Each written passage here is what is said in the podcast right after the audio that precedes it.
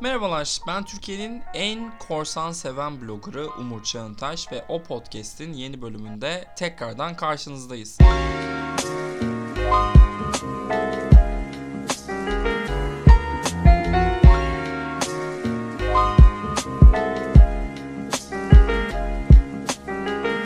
Hoş geldiniz Sayın Artaş. Hoş Nasılsınız? bulduk. Efendim teşekkür ederim. Sizleri sormalı. Bizler de çok iyiyiz hamdolsun. Ee, nihayet o aya geldik. Mübarek biliyorsun. Film Festivali zamanına.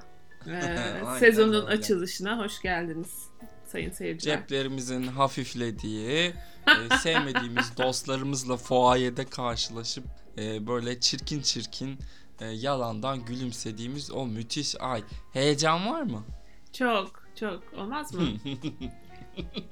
Bence buradan açabiliriz direkt meseleyi ya. Film ekimine bilet aldın mı Seda? bir tane filme biletim var. Bir arkadaşım aldı ama yani film değil de hani arkadaşlarla festivalde film izleme deneyimi için. Filmin hangisi olduğunu bile hatırlamıyorum şu anda. Yok hatırlıyorum. Bu Cennetten Gelen Çocuk. Ee, böyle polisiyemsi bir film var.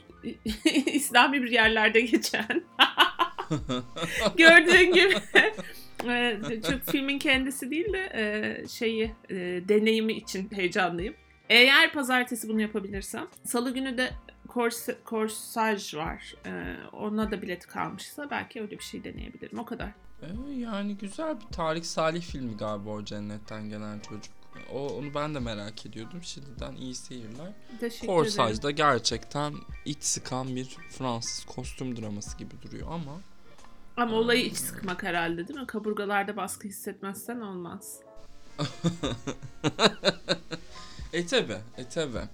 E, ben e, şey Emre'nin Kerem Ayan'la yaptığı röportajı okudum. E, ilk kez Kerem Ayan'ın bu kadar neyse Kerem Ayan'a sataşmak istemiyorum daha fazla.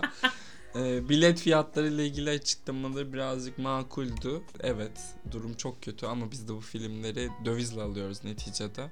Ondan sonra ve işte salon maliyetleri falan filan bir sürü şeyden bahsetmiş. Ya evet haklı da İKSV bu ve yani Lale Kart diye bir oluşum var. Benim yine de aklım almıyor ya. Yani 75 liraya bilet satmak nedir festivalde? yani Öğrenci işte, bileti e, sayısı da çok azaltılmış anladığım kadarıyla. Eskiden hiç şey demezdi sınırlı sayıda öğrenci bileti diye. Öğrenci biletleri de sınırlı sayıda olmuş. Yani bu bolluk dünyasında şimdi iş korsana gelecek laf yine ama hani bu her şeyin her yerden her şekilde erişilebildiği dünyada bu kadar tabiri hoş göre elitist bir festival yapmanın da anlamı yok. Film ekimi şehrin içinde güzel çünkü. Şehrin insanıyla güzel. Ya şöyle film ekimini şöyle bir marka haline getirdiler bence. E, bir şeyleri daha önce izleme e, önceliği yani o e, o ayrıcalığa sahip olmak için bu parayı vermek istiyorsanız verin gibi bir yerden yapıyorlar artık film ekimini. Ben geçen sene malum yerde çalışırken de bu İKSV toplantılarında onu görmüştüm. Yani zaten biletlerin ne olursa olsun, ne fiyatta ya da hangi filmde olursa olsun satılacağından çok çok emin e, kurum. Ya haklılar da bence yani şey değil. E, bir boş bir beklenti değil bu. Öyle ya da bir ego ile söylenen bir durum değil. Gerçekten film ekibinin böyle bir kitlesi var. Fakat evet yani ekonomi inanılmaz bir noktaya eriştiği için marketten tek parça aldığında artık e, 50 ile 100 lira arası bir şey verip çıkıyorsun. E, dün salça fiyatını görüp falan böyle e, Twitter'da gözlerim fal taşı gibi açıldı ve ben hani şu yaşımda açıkçası salça fiyatını endişe etmek istemiyor idim. E, keşke Beklemiyordum ben de bana da sürpriz oldu. Keşke bir ne bileyim memur ya da öğretmen emeklisi falan olsaydım da emeklilik maaşımla geçinen biri olsaydım da bunları dert ediyor olsaydım. Şu an böyle yarı beyaz yakalı halimle e, salça fiyatı dert ediyor olmak çok dokunuyor ama evet yani film ekimi meselesi e, ne olursa olsun e, festivalin kimliği ne olursa olsun fiyatlar çok yüksek kabul edilebilecek gibi değil. Ben almadım bu arada bilet. Almayı da düşünmüyorum açıkçası. Ee, bu sene de böyle. Hani film ekimine gitmeyeceğim sanırım. Zaten yani Lale Kart'ın yoksa herhalde bu hmm, festivalin sıcak biletlerine diyeyim e, yer bulmak imkansız. Biraz da onu bilerek dediğin gibi fiyat. Vallahi e, Enzel'in vardı yapılıyor. galiba Lale Kartı. Lale Kartı olmasına rağmen bulamamış bazı şeyleri. Hmm, ama çok az gösterim var zaten normal yani. Ya şey biraz üzücü burada. e, hepimiz aynı filmleri izlemeye çalışıyoruz ya o üzücü. Şimdi kendimi övmek gibi olmasın ama cennetten düşen çocuk, cennetten gelen çocuk. Yani işte şey, orijinal değişik bir şey göreyim derdinde olmaktan çok herkes işte Oscar yarışındaki sıradaki filmi göreyim derdinde biraz. O yüzden de bilet bulamıyoruz. Yani bu arada kendimi de eleştiriyorum tabii ki. Yani ben de şeyi izlemeyi çok istedim. Ben She's of Inisherin'i izlemeyi çok istedim. Biraz da o yüzden çamur atıyorumdur belki. İlk biten bilet olmuş galiba kendisi. Ya biraz dağıtımcıya iş düşmüyor mu ama burada da? O zaman güzel kardeşim festivalin arkasına dizi programı. Onu da yapamıyoruz. Heh. Şimdi o kısma da gelelim istersen. Ee, şimdi ben geçtiğimiz hafta altyazıyla Mubi'nin e, ortak çıkardığı bir özel bir sayı var. Onun bir partisi oldu Kadıköy'de. Ona gittim. E, orada sevdiğim arkadaşlarımdan bir tanesi dağıtımcılardan bana tatlış bir mesaj getirdi. Bu film ekimi fiyatları ortaya çıktıktan sonra ben hem film ekimi programında yer alan hem de böyle bu sene düşmüş 2022 yapımlarının yer aldığı bir torrent listesi paylaşmıştım. Bir kısmı torrent bir kısmı da hatta yasal platformlarda olan filmlerin listesiydi. Dağıtımcıların minik kalpleri çok kırılmış bu listeye. Ve işte e, yani durumdan ne kadar e, rahatsız, rahatsız da demeyeyim. E, bu listenin paylaşımının ne kadar onları üzdüğüne dair bir mesaj yollamışlar. E, normalde biliyorsun öyle varlığı çok da önemsenen birisi değildim. Ama bir sanırım artık şey e, takipçi sayısı artınca e, saygı görüyorsun meselesi var. Hı-hı. İki bir de e, Melikşah Instagram'dan paylaştı o listeyi. E, story olarak. Böyle bir minik bir e, sektörel bir deprem mi yarattım? E, farkında olmadan acaba? Çok hay eğlendim Allah. ama. Hay Allah ya. Uf, senelerde de korsan korsan diye podcast kayıtlarımız var ya. Korsana evet diye bizim neredeyse hapse kapatılabileceğimiz kanıtlar varken ellerinde. Buradan gol yemeyi beklemiyordum açıkçası. Peki ne olacak? Sildim tweet'i. Hmm. Hayatımda ilk kez böyle bir şey yaptım ve birileri için tweet sildim. Başım ağrıyacağına dedim bari tweet'i sileyim. İyi yapmışsın annem boş. Biraz biraz satıldın mı? Yani işte biraz uğraşıyorsun, biraz uzlaşıyorsun anam ya. Hayat. Heh, okey tamam. Orta yol Gördüğünüz bulmaca. Gibi. Gördüğünüz gibi Seda Artar yine e, su serpiyor yufka yüreklerimize. O kadar. Börek yapacağım.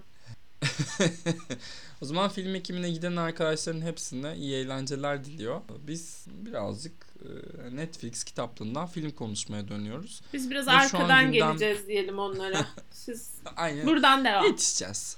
Yetişeceğiz. Şu an sosyal medyanın da gündeminde olan bir hafta önce e, Netflix'te görücüye çıkan e, Blonde'u konuşarak başlayalım istersen. Başlayalım. o o hı ının içinde o kadar çok şey gizli ki. ya hayatımda izlediğim en uzun film olabilir ya. evet. Bir de bu senin şey galiba değil mi? Doğum sonrası. Evet. İlk... Aynen yani şeyden beri dönüp baktım Şubat'tan beri falan izlediğim ilk film herhalde. Ve böyle nefesim yetmedi. Hani durdurup durdurup arada hızla oynatıp oynatıp sinefiller duymasın. Yani şöyle söyleyeyim bir buçuk hızla oynatıyorsun filmi yine akmıyor. Nasıl böyle bir şey mümkün olabilir? Netflix'e lütfen iki buçuk hız gelsin. Ya, da bir buçuk yetmiyor. Yetmiyor gerçekten yetmiyor. Ya bu bir, bu bir film değil bence. Sence bu bir film mi? Olmuş mu bu? Ben mastürbasyon olduğunu düşünüyorum. O da var. Peçete gibi bir film. O da var kesinlikle. Yani silinmiş Andrew Dominic. Şeyden konuşalım. Geçen bölüm birazcık bahsetmiştik. Andrew Dominic'in en meşhur filmi e, şey e, The Assassination of Jesse James by the Coward Robert Ford. Hı hı. Onu sever misin mesela? Ya onunla ilgili de benzer şeyler düşündüm. Çok güzel bir film. Yani çok güzel görüntüler arka arkaya dizili. Ama bir çok yavaş, çok ciddi bir tempo sorunu var. İki toksik erkeklik kültürü etrafında aynı anda hem eleştirir gibi yapıp hem de böyle bir mit kuruyor. Bu Blond da aynı yere gidiyor bence. Evet. Ki ona da geliriz. Kesinlikle katılıyorum. Ama orada da böyle filtreler, işte güzel görüntüler, harika bir müzik. Ama bunlar toplanınca film olmuyor ki. Eğlendim. Ee, yok ben de seninle aynı şeyde düşünüyorum. Çok e, yakın tarihte tekrardan izlediğimde de böyle içi e, bomboş, e, dışı e, işte jan janlı bir paket kağıdıyla sarılmış gibi e, tatsız bir film hissiyatı yaratmıştı e, Robert Ford. Burada da yine yani aynı temalara değinerek yine o can canlı kağıda inanılmaz erkek erkek bir meseleyi saklamış. Ve ben nefret ettim filmden ya Blonde'dan. Bayağı kötücül bir film olduğunu, yanlış mesajlar verdiğini ve artık hani sinemada bu tür anlatıcıların e, kendilerine e, bütçe bulamaması gerektiğini falan düşünüyorum. Evet üzücü gerçekten. Yani 1974 senesinde falan çekmiş gibi filmi. Ama biliyorsun aslında male gaze'i eleştirmek için yapmış. Arkadaşlar ya of. Yani o şey sahnelerinde cringe'ten öldüm. Ee, bebekle konuştuğu sahnelerde. İşte kürtaj sahnesi falan. Yani Aa bak şöyle bir düşünce var bu arada. Filmin e, birazcık pro e, life e, bir mesajı olduğu. ben de aynı şeyi düşündüm izlerken. Yani şey e, Cenine bir ses ve irade atfederek. Yani şu an Juno'nun pro-life olmasını konuşuyoruz ve fazla muhafazakar bulup eleştiriliyoruz. Öyle bir yere geldi bu hikaye. Ki Juno benim en sevdiğim filmlerden biridir. Dönüp tekrar izlemeye korkuyorum. Gerçekten öyle mi görürüm bu mevzuyu diye. Bu böyle kör parmağım gözüne pro-life hatta. Bence. Ben de aynı şeyi düşündüm izlerken. Ben o sırada ruhumu teslim ettiğim için sanırım daha fazla derin düşünmeye yerim kalmamıştı. Stanley Kubrick mezarında ters dönmüş öyle diyorlar. Yani mümkündür.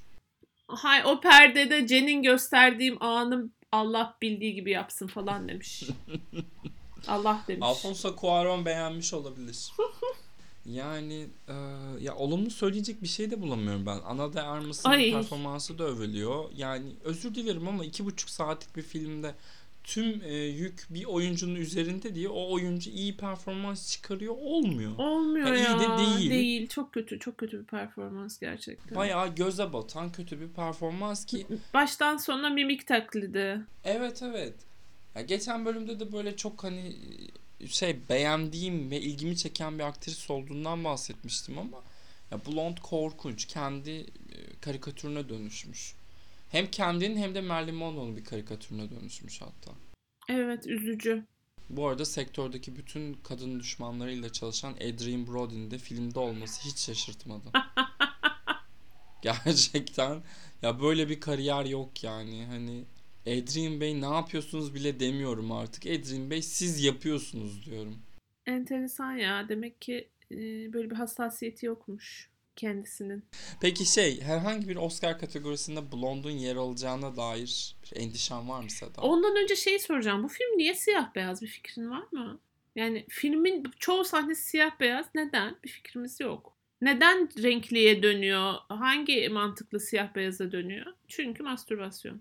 Çünkü mastürbasyon yani göze hangi sahne nasıl hitap ediyor? Ben herhangi bir matematiği olduğunu düşünmüyorum açıkçası. Ben de bulamadım da. Yani Merlin'in medya tarafından uğradığı hem medya hem de e, Hollywood'un özü aslında tarafından uğradığı o korkunç muamelenin bir tekrar gibi bir film. Onu eleştiriyormuş ya da onu gösteriyormuş, hatırlatıyormuş gibi Hmm. yaparak bir de aynı burada kullanıyor. Aynı tavrı tekrardan üretiyor.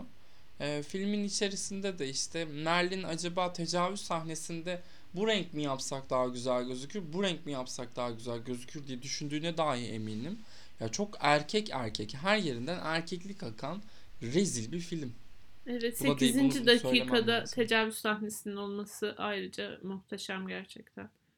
Yani bilmiyorum bu, bu yol ayrımını gelip her seferinde yok ya çekelim biz bunu demeyi nasıl başarıyorlar inanılmaz merak ediyorum.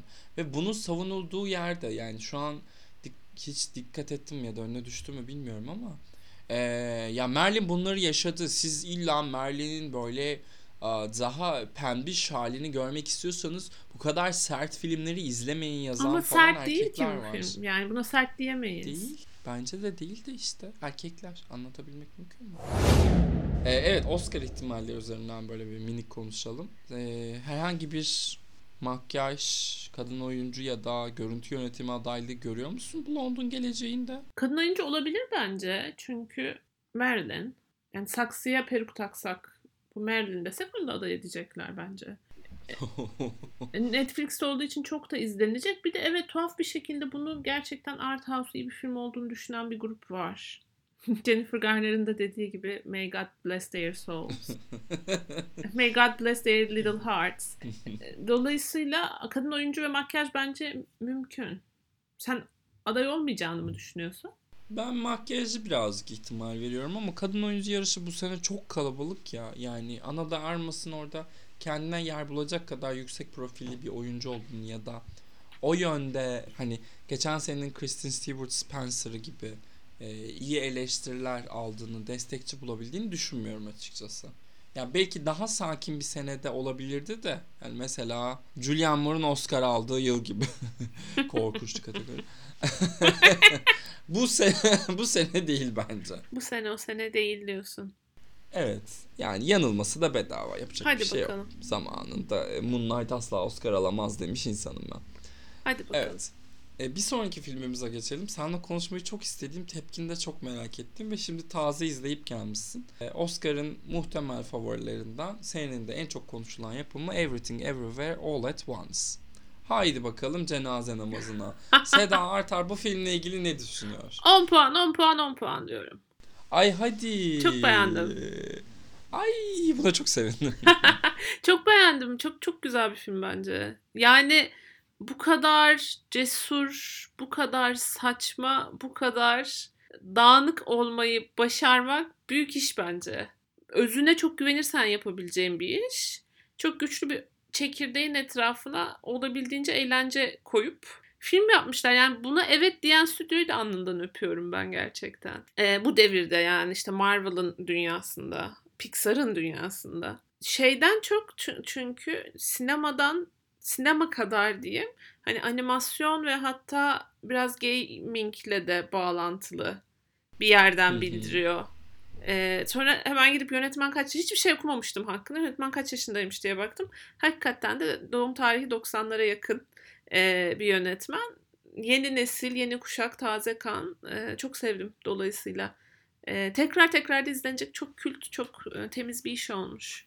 Ben de şimdiden üçledim arkayı. Üç defa izledim. Böyle bir manyak gibi. Herkese izletmeye çalışıyorum. E, çok bugüne dair bir de yani hani tüketim alışkanlıklarımıza da değinen aslında e, hiçbir şeyin ortasında e, pek çok şeyi mideye indirip ama hepsinde hiçbir şey ifade etmemesi üzerine. Hı hı. E, meselesini işte çok aile bağlarına, sevgiye, o koşulsuz bağ getirmesi kimileri tarafından e, pek sevilmedi ama ben açıkçası hiç bu durumdan rahatsız değilim. Hikayenin özünün e, bir işte e, gelenekçi bir kültürün içerisinde doğmuş bir kız çocuğunun e, closet'tan çıkmasıyla yeşeriyor olması da yani hikayenin özünün beni beni daha çok cezbetti hatta. Bir de inanılmaz referanslar var. Yani sinemayı seven insanlar için işte Matrix'inden e, bütün o e, Ghibli filmlerine, ondan sonra Wong Kar-wai'den işte e, Ratatouille'una e, inanılmaz bir referans havuzu. E, Michelle Yeoh'yu ne kadar sevdiğimizi de e, hatırlattı. Yani böyle ne güzel ki bu rol onun kucağına düşmüş ve kabul etmiş. Evet. İnanılmaz da şey bir aktris yani çok yönlü bir aktris. Bu bu film de bence kariyerine çok yakıştı. Ben burada Jamie Lee Curtis'i de çok sevdim. Ya evet ve filmin ilk yarım saatinde o mu değil mi emin olamayarak izledim. Yani ne kadar özlemişiz değil mi? Evet müthişti bir de yani çok yakışmış bu role. Ee, komedi şeyini çok seviyorum zaten Jamie Lee Curtis'in komedi yeteneklerini. Hı hı. zamanlamasında. Onun haricinde de yani müthiş bir şey bu yönetmenle işte bu Daniel Slide daha evvel Swiss Army Man gibi böyle inanılmaz saçma bir film daha üretmişti. Ya bu filmin de Swiss Army Man'le aynı zihinlerden çıktığını anlamak zaten çok güç değil. Ee, ve ciddi ciddi düşündüğümüz adaylıkları alırsa alırlarsa da bu sene işte Özgün Şarkı'ya da girme ihtimalleri var hatta. Hı hı. Film, yönetmen, senaryo, özgün şarkı gibi dörder aday- adaylık cebe atıp yarışacaklar. Ya ben çok istiyorum açıkçası. Bir de şey de var yani. Bunu takip ettik senenin başında. E, sektörün içerisinden işte Guillermo del Toro'sundan e, Darren Aronofsky'sine kadar Hı hı. hepsinin övdüğü, övmekten çekinmediği, e, film daha çok izlensin diye gösterimlerine katıldığı, reklamını yaptığı bir yapım. Bir minik ne bileyim işte Parasite hikayesi olabilirmiş gibi hissediyorum ama yani Parasite'dan çok büyük bir farkı var tabi. Parasite inanılmaz evrensel ve ana akım bir filmdi. E, Everything Everywhere All at Once e, evrenselliği minik tartışmaya açık ve e, bir tür filmi. Dolayısıyla biraz daha zorlanacak muhtemelen. Evet yani bu çok spesifik bir tür filmi olması bence biraz elini ayağını bağlıyor. Dümdüz bilim kurgu aslında bir yandan da. Evet. O yüzden hani akademiye ne kadar ulaşır? Gerçi hep konuşuyoruz akademi değişti, dönüştü vesaire diye ama ne kadar ulaşır, ne kadar nefesleri yeter? Çünkü aslında çok süper kolay bir film de değil hazmetmesi. E, O, o birazcık tartışmaya açık sanki. Ama her adaylığını çok takdir edeceğimden eminim ben. Yani Michelle Yeoh zaten frontrunner olduğunu söyleyenler var. Ben emin olamıyorum işte filmin bu bir tür filmi olmasıyla alakalı olarak. Ama ne bileyim mesela yardımcı kadın oyuncuda kızını oynayan aktör Stephanie Husu Husu galiba. Hı. Su diye okunuyordur değil mi? bilmiyorum Su ki. falandır Ha öyledir diye düşünüyorum ben de. Eşi de çok iyi. Eşi de ç- çok iyi. Ve eşinin aslında ben dönüp baktığımda bayağı ciddi bir e, kariyeri olduğunu da gördüm. E, zaten çok tanıdık geldi bana izlerken yüzü. Meğerse Indiana Jones'tan işte Goonies'e bir sürü filmde e, daha önce izlemişiz. Onları görmek birilerinin seçkilerinde Oscar'da değilse bile orijinal senaryo dediğin gibi yönetmen, film, görsel efekt, e, sinematografi neden olmasın? Bu arada görsel efektlerin hepsinin e, pratik görsel efekt olduğunu söyleyeyim sana. Yani hiçbir bilgisayar değil. Gerçekten mi? Evet şaka gibi. Şaka gibi gerçekten. Pratik görsel efekt hepsi. Muhteşem. İnanılmaz bir çalışma. Bilgisayar değil derken bu arada hani tamamen bilgisayar ortamında üretilmiş değil. Sette yapılmış CGI pratik değil. görsel efekti de açıklayalım. Evet yani e, belli bir kısmı sette e, yapılmış daha sonra bilgisayar ortamına alınıp işte e, çeşitli rötuşlarla e, illüzyon daha geliştiriliyor. Bu filmi o zaman başarılarımızı dileyip çok çok merak ettiğimiz Antalya Film Festivali'nde premierini yapan bir kurak günlerden ve Emin Alper sinemasından birazcık konuşalım. Şimdi Şimdi. Sayın Artaş, Hı. Emin Alper'le aranız nasıldır? Ya tuhaf bir şekilde filmlerini hiç izlemedim. Hiçbir filmini izlememişim onu fark ettim. Şeyi izledim daha doğrusu. Üç Kız Kardeşi izledim onu beğendim de. Diğer filmini izlemedim.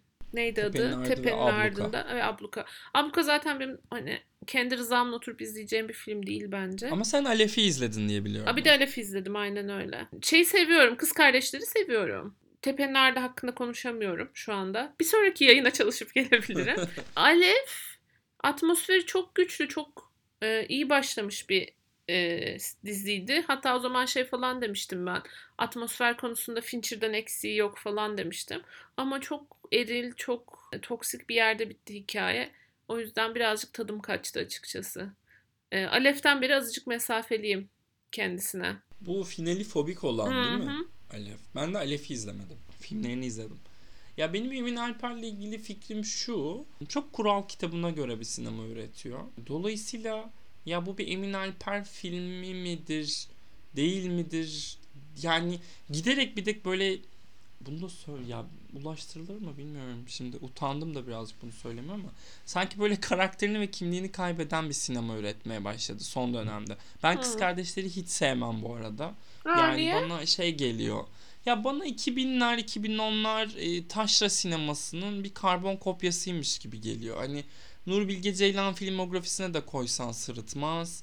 İşte Nur Bilge Ceylan'ı taklit eden milyonlarca yönetmenin film- filmografisine koysan da sırıtmaz.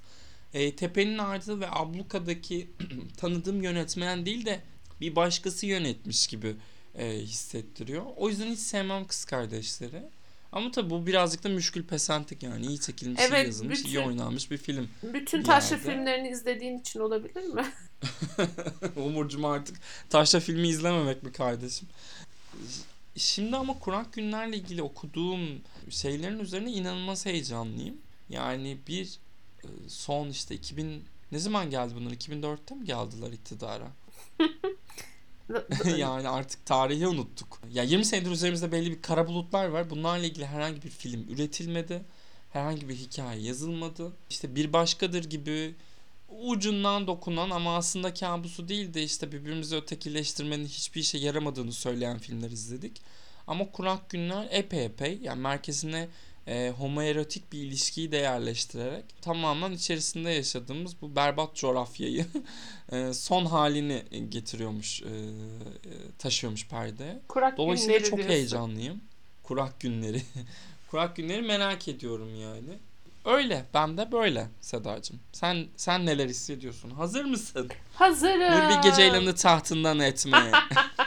Ya Nuri Bilge Ceylan'ın biraz Orhan Pamuk gibi oldu Nuri Bilge Ceylan'da. Ee, Artık bizim için değil de Avrupalıların bizim coğrafyamızda geçen hikayeleri nasıl görmek istiyorlarsa o Avrupalılar için çalışıyor Yok sanki. artık Elif Şafak ya. Ya onu zaten kaybedilmiş bir dava da. Ben Orhan Pamuk'u da çok severim. Bundan önceki işlerini ama hani son üç kitabı falan beni hayal kırıklığına uğrattı. Aynı şey biraz Nuri Bilge Ceylan'da da oluyor. Bence hani bir zamanlar Anadolu'da zirvesiydi. Ondan sonra hep ya bu arada ya adam adamın da hakkı artık bizden biri değil çünkü. Artık o Avrupa Ligi'nde Avrupalılardan biri. Dolayısıyla yeni çevresine uygun yaşıyor. Hani yurt dışına taşınan çok arkadaşın vardır senin de benim de var. Yani o çevreye uygun yaşıyor artık o insanlar. Dolayısıyla tabii ki beni düşünmeyecek hayatını yaşarken. Ama tabii biraz kalbim kırılmıyor Hmm. değil yani. Ama ne bileyim çok da Türkiye bazlı bir hayat yaşıyormuş gibi hissettiriyor ya Bilge Ceylan. Öyle bir kopup gidememiş. Yani şey gibi biraz o filmlerindeki karakterler gibi. Nereye koyarsan koy. Hani you can take the girl yani bir kızı Çanakkale'den alabilirsin ama Çanakkale'yi bir kızdan alamazsın, Alamazsın, doğru. birazcık. Doğru. E, Nuri Bilge Ceylan da öyle biriydi bizim için. O yüzden sanırım hayal kırıklığı yaşıyoruz. Ben kış uykusu için değil ama ahla, ahlat ağacı hakikaten e, batılı izleyici için yapıldı. Çok hissedilen bir filmdi. E, film de demeyelim ansiklopediydi diyelim. Gerçekten bitmeyen. E, Ana Britannica kıvamında. Ay buraya ben o yıldırımlar iç çekmesi koyuyoruz. Ama e, ya Emin Alper'in daha ulaşılabilir bir sinema ürettiğine ve bize daha tanıdık gelecek. Yani özellikle Cannes'dan sonra Cannes'daki eleştirilere bakınca Emin Alper'in bizi hedeflediğini daha iyi anlıyorum. Yani çünkü batılı eleştirmen bu batılı demeye de bayılıyorum ya. İnanılmaz kendimi AKP'li gibi hissediyorum. E, batılı eleştirmenlerin yazdıklarıyla Türkiye'li eleştirmenlerin yazdıkları arasında inanılmaz fark var. Ee, şöyle bir şey söyleyeyim ben bu arada. Minik bir dedikodudur bu da. Ee, Ekin Koç Antalya Film Festivali'nde yok. Acaba neden? Hadi bakalım. ah bir şey biliyor musun? Drama mı ama? Yani bir şey bilmiyorum ama bir şey de biliyorum bir Ekin taraftan. Koç'un nerede dizisi var şu sıralar? Bana bir onu söyle. Gelmeme sebebi dizi değil de orada olmasının istenmemesi öyle söyleyeyim. Ha işte hangi kanalda dizisi var onu merak ettim. Kim kim engel Ee, yok, oluyor bu istemeyen, çocuğun? istemeyen kanal mı yoksa ee, Ha. istemeyen film ekibi mi acaba? Oo. Evet. Oo. Öyle bir durumlar varmış. Bu hamur çok su varmış. kaldırır. Vallahi yani bir, bir de şu an hiçbir şekilde kurak günlerle ilgili bir paylaşım yapmıyor. E, kendisini Florence Pugh olarak e, takdim etse de e, bir Shia LaBeouf olduğunu hepimiz gayet iyi biliyoruz. çok iyi. E, bizim de dramamız budur. E, buradan da Demoa'ya selam olsun. Demoa bu dedikoduyu verebilir miydi? Veremez. Yok. İşte o İşte. podcast farkı. Bizim son bir meselemiz kaldı. Ee, o da Kerry Mulligan'ın yardımcı kadın oyuncu dalında yarışma durumu. Ee, geçtiğimiz podcast'ta konuşmuştuk. Ee, Steven Spielberg'in yeni filminde Michelle Williams e, yardımcı değil ana dalda yarışacak diye ve bunun sebeplerini falan çözmeye çalışmıştık. Meğerse aynı yapım şirketi Universal diğer filmi Said bu Harvey Weinstein skandalının anlatıldığı yapımda Kerry Mulligan döktürdüğü ve yardımcı kadın oyuncu dalında yarıştıracakları için onun önünü açmak istemişler. Yalnız Universal'ın hesaba katmadığı bir şey var. Ee, Babylon'da, Paramount'ta e, Margot Robbie'yi yardımcı kadın oyuncu dalına atmak istiyor. Dolayısıyla bu sene böyle e, sarışın kadınla, sarışın ve beyaz kadınların e, Oscar için mücadele ettiği enteresan bir yarış izleyeceğiz galiba. Ne diyorsun Seda? Diyelim ki mesela, şimdi şöyle söyleyeyim. Hem Kerry Mulligan aday edildi hem Margot Robbie aday edildi. İkisinin de performansını çok beğendin. Seçim yapamıyorsun. Kim kazansın istersin? Öyle bir ihtimal yok ama illa olacağını varsayıyorsak tabii ki tabii ki Margot Robbie diyormuşum. Ee, ya Carey Mulligan benim kız kardeşim falan gibi. Öyle hissediyorum ya. Değil mi ya?